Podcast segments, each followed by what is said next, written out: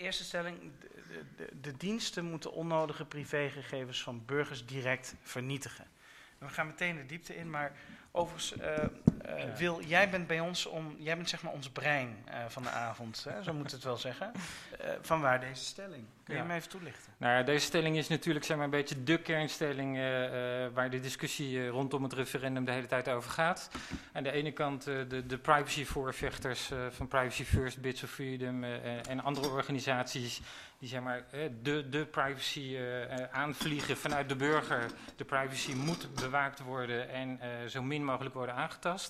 Aan de andere kant uh, de inlichtingen en veiligheidsdiensten die er zijn om de grondrechten te beschermen en ook de privacy. En daarvoor moet enigszins de privacy in, in lichte mate worden aangetast. Ja.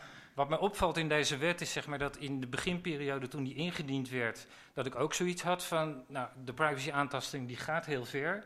Maar dat je wel gaandeweg de behandeling in de Tweede Kamer hebt gezien dat er een aantal normen wat betreft toezicht zijn gesteld, die wel uh, voorwaardenscheppend zijn, waarbij dan alleen het nadeel is dat uh, die regels niet in de wet zelf opgenomen zijn. Ja. Dus dat daar in dat kader het toezicht dan weer heel erg belangrijk is. Okay. Maar dat, dat is een beetje het speelveld waarbinnen het dat zich speelveld uh, waar momenteel we het nu over gaan hebben. Ja. Maar die privacy, dan kijk ik meteen naar Vincent, Vincent Beuren van Privacy First de overheid zal toch wel goed omgaan met de privacy van de burgers, ook met de nieuwe WEV? Uh, nou ja, de geschiedenis bewijst anders, helaas. En ook de recente geschiedenis in Nederland bewijst anders. Dus ik denk dat als er één partij is uh, die historisch gezien niet met je gegevens kan vertrouwen, dan is het wel de overheid. In ieder geval in historische zin. En dat moet je denk ik altijd in het achterhoofd houden bij wetgeving en beleid die je optuigt en de bijbehorende technologie. En als ik heel kort alvast iets over de stelling mag zeggen. Uh, de diensten moeten onnodige privégegevens van burgers direct vernietigen. Dat veronderstelt eigenlijk dat ze die gegevens eerst al hebben verzameld. En een voorvraag is dan, hadden ze die gegevens überhaupt mogen verzamelen? Als ze niet hadden mogen verzamelen, hoeven ze ook niet te vernietigen. En daar begint wat ons betreft altijd de discussie uh, bij het verzamelen. En niet zozeer bij vragen daarna, bij opslag en vernietiging. Nou, laten we dan even wat, wat dieper ingaan, het verzamelen. Ik bedoel, wat mhm. is daar nou op tegen? Nou ja, de eerste vraag die je altijd moet stellen bij uh, iedere privacy-inbreuk is: uh, is het überhaupt gerechtvaardigd om gegevens te verzamelen of in inlichtingenkader te vergaren? Um, dat is de eerste vraag die je dan stelt. Is dat noodzakelijk? Is het proportioneel? Zijn er geen lichtere middelen mogelijk? Is het überhaupt nodig? En die vraag die moet je denk ik uh, in het algemeen vrij strikt beantwoorden, in ieder geval juridisch gezien of internationaal rechtelijk gezien. En het geldt ook voor inrichtingendiensten, die, geld, die, die staan ook gewoon onder, uh, ja, onder het internationaal recht en Europees recht. En zeker niet daarboven, inclusief alle vereisten die daaruit voortvloeien. Maar uh, dan, dan, kijk ik meteen even jouw kant op. Um, um, meneer Heijzen, Constant Heijzen. als we naar deze stelling kijken, wat kan daarop tegen zijn? ja, in beginsel niet veel. Snapt u wat hij zegt? Ik snap heel goed wat hij zegt. Het, het lijkt me ook een, een, een zeer verdedigbaar standpunt.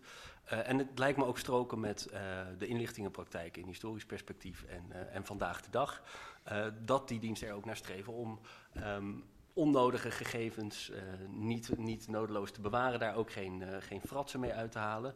Um, alleen, dat, dat roept bij mij meteen de vraag op, ik ben, ben ook historicus, u, u beriep zich al even op de geschiedenis. Ik denk dat geschiedenis nooit één ding bewijst, maar, maar altijd uh, vele gezichten kent. Um, als we kijken naar, naar waarom zijn die diensten nou ooit opgericht, dat vind ik altijd een ja, interessante vraag. Waar waren ze nou voor nodig in het begin? Ja, want dat, dat dat, is nog steeds, dat zijn nog steeds ten dele de bestaansredenen waarom ze vandaag de dag bestaan. Um, wat mij opvalt in de discussie is dat er, dat er toch altijd iets overheen hangt van ja, die bijzondere bevoegdheden die mogen ze uh, naar hartelust inzetten op toch al suspecte figuren of de echt gevaarlijke figuren. Daar mag je de hele trucendoos voor open doen. Mm -hmm. uh, maar Osama Bin Laden van ons. Ja, uh, of de Hofstadgroep in het verleden, maar ja. evident gevaarlijke figuren. maar die onschuldige burgers, daar blijf je van af en die gegevens mag je ook niet, mag je ook niet gebruiken als je dat in historische perspectieven kijkt, dan zie je dat die diensten ooit zijn opgericht.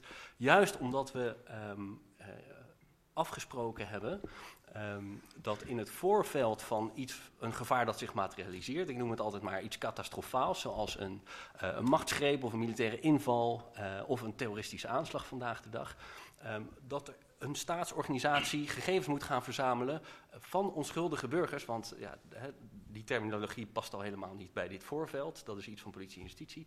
Uh, maar om uh, te kijken, zitten er, onder die, on, zitten er onder die gewone burgers, zitten daar organisaties en individuen van wie we denken dat ze zoiets catastrofaals doen. zijn. Staatsgevaarlijk zijn of de democratische rechtsorde in gevaar brengen. Um, dus um, de, de, de belangrijkste reden om ooit dat politieke inlichtingenwerk te gaan doen, is precies geweest van nou, die diensten mogen in enige mate uh, met die handen zitten in, in eigenlijk onnodige gegevens. Uh, want die, die combineren ze om daaruit te destilleren. Ja, dit zijn nou echt uh, figuren waarvan we vermoeden dat ze iets vervelends gaan doen voor die democratische rechtsorde bijvoorbeeld. Um, dus dat, dat betekent dat ten dele die diensten altijd met onnodige gegevens zitten. Ja. Um, maar je hoopt dat ze een bepaalde mate van professionaliteit hebben uh, en die gegevens combineren. En, en daar dus niet nodeloos met, maar, met die gegevens. Maar Vincent Beuren zegt hier van ja, het verzamelen überhaupt is al een uh, probleem. Je legt hier nu uit dat het evident is. Nou, ik denk, uh, die diensten zijn ooit opgericht. Als we in Nederland kijken, de Centrale Inlichtingendienst, september 1919. Het hele naoorlogs inlichtingenbestel. We hebben nu de AIVD, de MIVD. Uh, ik denk, zolang ze bestaan in deze democratische rechtsorde, uh, aanvaarden we dat, ze, dat de taken die we ze toebedelen, dat ze die zo goed mogelijk moeten uitvoeren. Uh, als je zegt dat, dat verzamelen op zich vind ik al problematisch, dan zou je de hele inlichtingengemeenschap moeten afschaffen. Hm. Nee, dat zeg ik zeker niet. Vertel. Natuurlijk moet je soms gegevens verzamelen, maar er moet er wel een goede aanleiding voor zijn.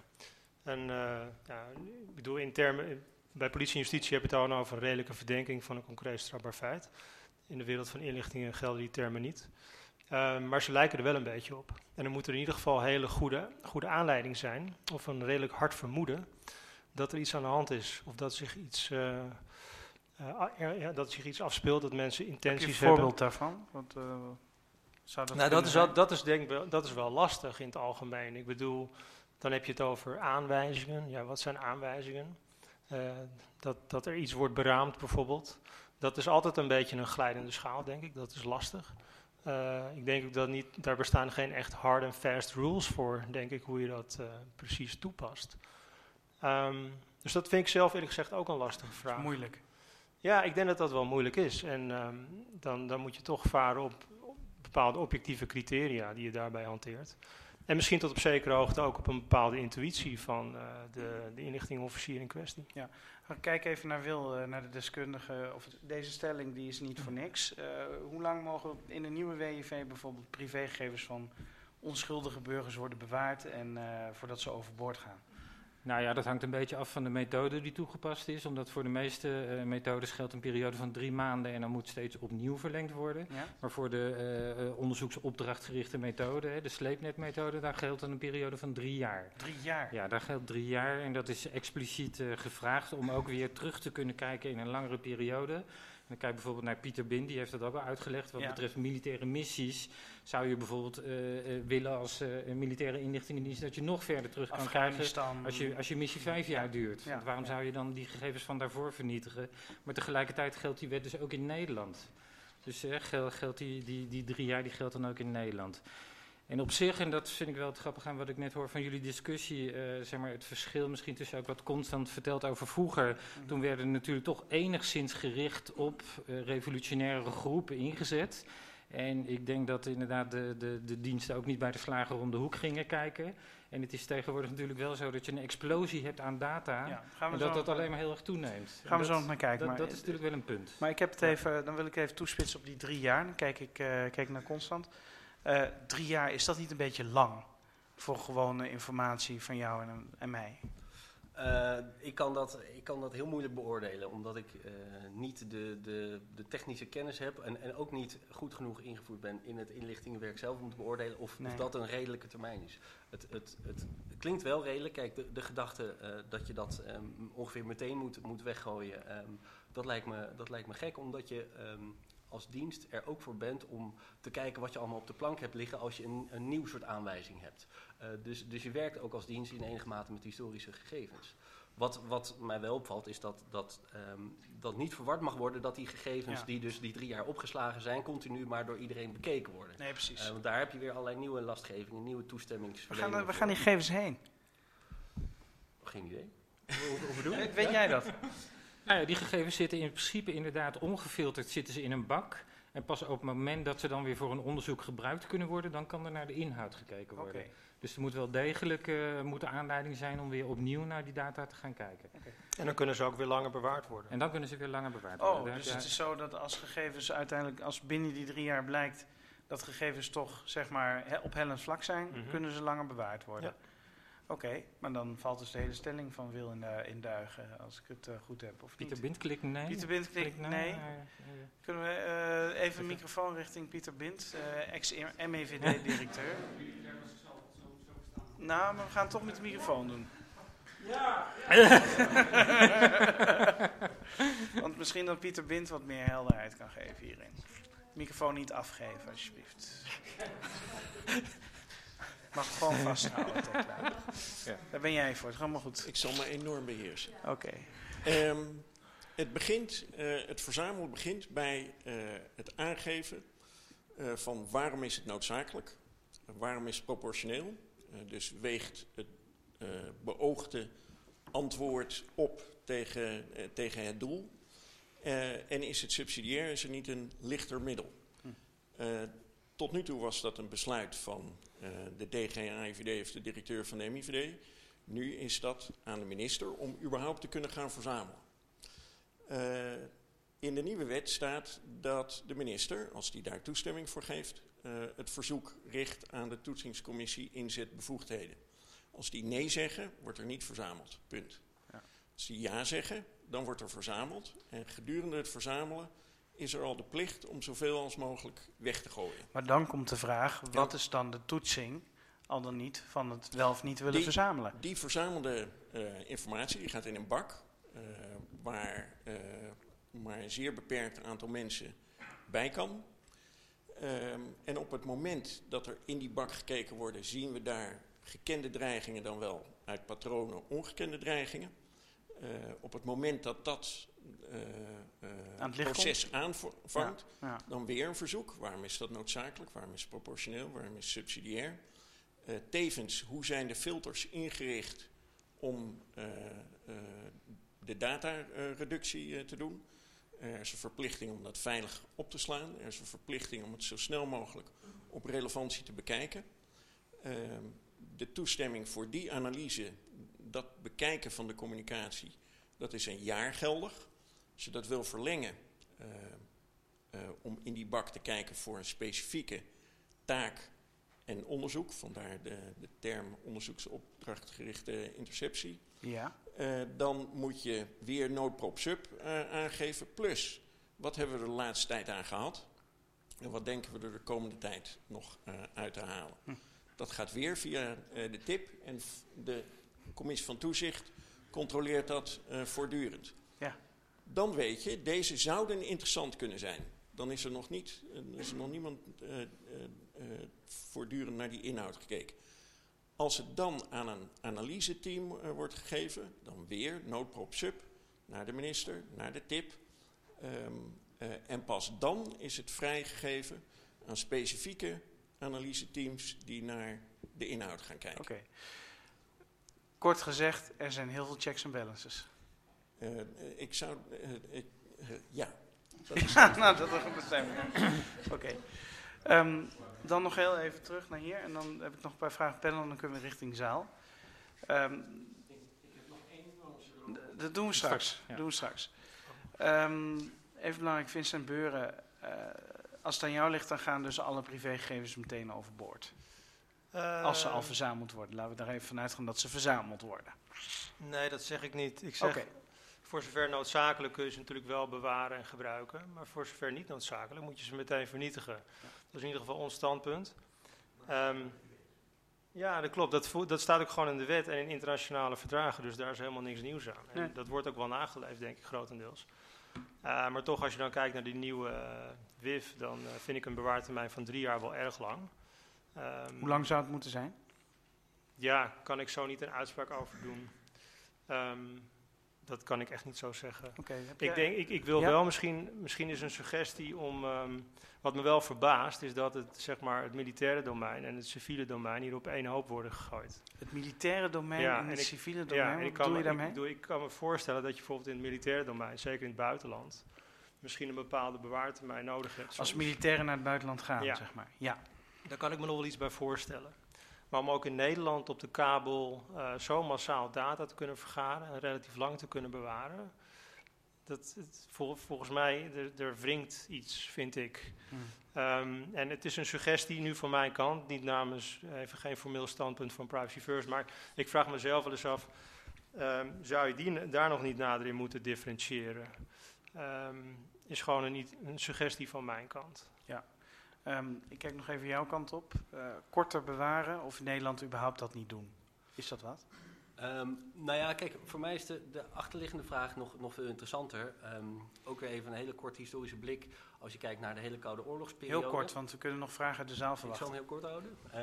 Eh, wie waren daar een bedreiging voor, voor de staatsveiligheid en de democratische rechtsorde? Dat, dat waren mensen die lid waren van communistische organisaties of communistische tijdschriften. In de lazen. jaren 50 bijvoorbeeld. Eh, jaren 50, maar eh, voor de gehele Koude Oorlog waren dat eh, de individuen en organisaties die je in het binnenlandse veld in de gaten hield. Ja. Ehm, als je dan de verschuiving ziet naar contraterrorisme, eh, wat vanaf de jaren 70 eigenlijk al in gang is gezet, dan gaat het naar namen en, en rugnummers. Dus waar je vroeger evident eh, duidelijke indicatoren had van ja, als je een communistisch tijdschrift leest, dan weet ik dat je gevaarlijk Ja, bent of de mensen die voor de waarheid meer werkten. Op, eh, ja, Ja. dus daar zit het nu veel meer eh, in het persoonlijke communicatiegedrag. Iedereen van ons, wij, wij, wij identificeren ons niet allemaal als lezers van een extremistisch tijdschrift meer. Dus je hebt andere indicatoren nodig. Dus dat daarmee ook het verzamelgedrag van diensten eh, verandert. En vooral in een wereld waar het hele communicatieverkeer van mensen digitaliseert. Dat is een hele belangrijke vraag. Dus, dus daar gaat die wet over. Dus de manier van communiceren veranderen, de technieken veranderen. Dus moet die wet ook mee veranderen. Dat is eigenlijk waar het op neerkomt. Oké, eh, we hebben tijd voor vragen uit de zaal. Zullen jullie de microfoons even uitdoen? Ehm, wie heeft er een vraag aan de panelleden over deze stelling, over dit onderwerp? Is er iemand die er iets over wil weten? Is er iemand die er iets over wil zeggen? Ja, maar we kijk eerst naar het publiek, naar de gasten. Daar zit een mevrouw met haar hand omhoog. U wil iets vragen. Wie bent u? Ik ben eh, Miek Wijnberg, voorzitter van Burgerrechtenvereniging Vrijbid. Ja. De tip. Is er eh, een indicatie hoe vaak die mensen gevraagd gaan worden? Eh, moeten die constant stand-by zijn? Gaan we, als ik het hoor, hoe vaak er gevraagd wordt, wordt er of niet gevraagd, of er wordt gestempeld, of we hebben clones nodig van die mensen. Clones? Ja. Dat we dan gewoon eh, eh, zeven Ronald Prinsen hebben. Dat dat voor iedere Oh, dag oké. Ja, we zijn nu echt in de toekomst bezig natuurlijk. Ja. Nee, maar ik begrijp wel wat u eh, zegt. In de wet Wacht even, maar ik begrijp wat u zegt. En, en aanvullend, wat is de definitie van het spoedeisende geval dat Ja. de minister geen toestemming aan de tip U heeft al vier vragen gesteld. Nou ja, maar het komt erop neer, hoe gaat dat in de praktijk? En heeft een van jullie twee daar misschien een antwoord op voor mevrouw? Het, eh, nee, niet concreet. Er zit iemand Nee? in de zaal die misschien wel eh, daar iets over kan zeggen. Eh, Een van de zeven misschien? Van, eh, ze zullen een aantal keer per week bijeen moeten komen in ieder geval. Ja, maar eh, Wil, kan jij daar misschien uitsluitsel over geven? Want jij hebt je echt Nou ja, je zou een beetje kunnen kijken naar hoe vaak zo'n last gevraagd wordt in Nederland. En daar is dus helaas in het kader van de nationale veiligheid weinig over bekend. Ehm, er is over één jaar, en dat was geloof ik het jaar 2009, eh, hè, David, gelukkig, eh, 2009 was dat, is bekendgemaakt hoeveel keer een last is gevraagd om eh, af te luisteren. En dat ging toen om duizend, duizend in een jaar. Nu wordt eh, over een paar dagen wordt het jaarverslag gepresenteerd en dan krijgen we te horen hoeveel er in alle andere jaren is eh, eh, afgeluisterd. Dus aan, aan de hand van dat soort cijfers kunnen we dan een beetje zien hoe vaak de TIB bij elkaar Maar staat Nederland er niet heel erg onbekend dat wij ontzettend veel afluisteren? Ja, maar dat betreft dan wel de politie. eh, en dat is niet eh, de inlichtingendiensten. De politie luistert ontzettend veel af. Dat is voor de politie de geëikte methode om eh, criminelen te pakken. Omdat ja, de criminelen die hebben dat blijkbaar nog niet door en die praten nog lustig los over de telefoon. En eh, ja, bij de AIVD valt het wel mee. En ook als je naar andere landen om ons heen kijkt, eh, België, Duitsland, Engeland, eh, die publiceren die cijfers ook. En dat valt mee. Zijn, zijn er inderdaad een stuk of duizend. Waarbij ik wel op moet merken dat het aantal van duizend, het kan ook om één organisatie gaan. En dan heb je maar één last nodig. Met z'n allen bellen. Dus het kunnen meerdere mensen zijn. maar Ja, ja. Duidelijk. Eh, de jihadistische vereniging eh, eh, in, in Den Haag, die hoeft maar met één last eh, te worden afgeluisterd Ja. bijvoorbeeld. Oké, we hebben nog tijd voor één vraag uit de zaal. Is er nog iemand anders die iets wil vragen? Iets wil weten? Ja, achterin. Ik, Wie, ehm, wie bent u? ik ben Eva Meester Berends en ik ehm, werk samen met Pim Petersen. Hij is daar. Hoi Pim. Ehm, ik zat nog na te denken over die bewaartermijn. Wat is het probleem qua uitvoerbaarheid misschien? Als je ehm, gewoon zegt, je mag het drie maanden bewaren en je moet er iedere drie maanden opnieuw over nadenken. Ehm, Pieter Bind wil daarop reageren. Geef de microfoon niet af, want Pieter is best wel lang van stof. Grapje, gaan zitten. Ehm, dat zou ook een oplossing eh, zijn. Of een, eh, of een jaar. En dan eh, met een verzoek via de minister en de, en de tip over noodpop sub waar het langer zou moeten. Op dit moment staat drie jaar daarin. Ik moet zeggen dat dat een compromis is. Ik had langer gewild. Het is drie jaar geworden. En wellicht komt er uit de evaluatie, eh eh, maak het een jaar of maak het een half jaar. En, Even kort, waarom had u langer gewild? Langer dan drie jaar? In het kader van die militaire missies, Ja, maar ook eh, dat is belangrijk. eh, eh, dossiers als eh contraproliferatie eh, en contraterrorisme. Oké. Helder. Nou, heel En erg bedankt. Over de TIP, Ja, die maakt een Dat eigen is de reglement. toetsingcommissie inzetbevoegdheden. Eh, ja, inderdaad. Die in de wet staat, die maken hun eigen reglement. In de wet had ook een hoop meer kunnen staan, maar dat zou de onafhankelijkheid aantasten. Dus er is bewust gekozen voor een hele korte paragraaf. De TIP maakt haar eigen reglement en maakt dat openbaar. En doet ook een openbaar jaarverslag over wat ze eh, gedaan hebben, waar dan weer een discussie over Dus volgt. die rapporteert publiekelijk. Oké, ik, ik wil door naar de volgende, volgende ronde, want we hebben nog drie rondes te gaan. In ieder geval heel erg bedankt eh, bij de heren. Geef ze even een applaus.